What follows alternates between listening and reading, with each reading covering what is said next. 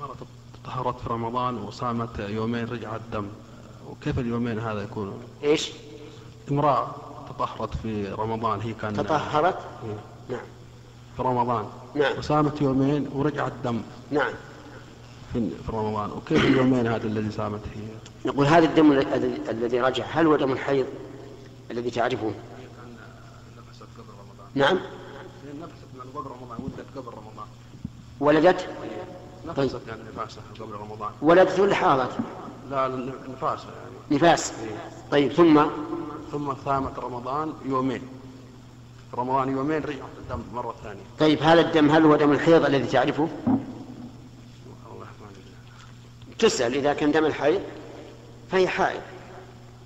لكن صوم اليومين في حال الطهر صحيح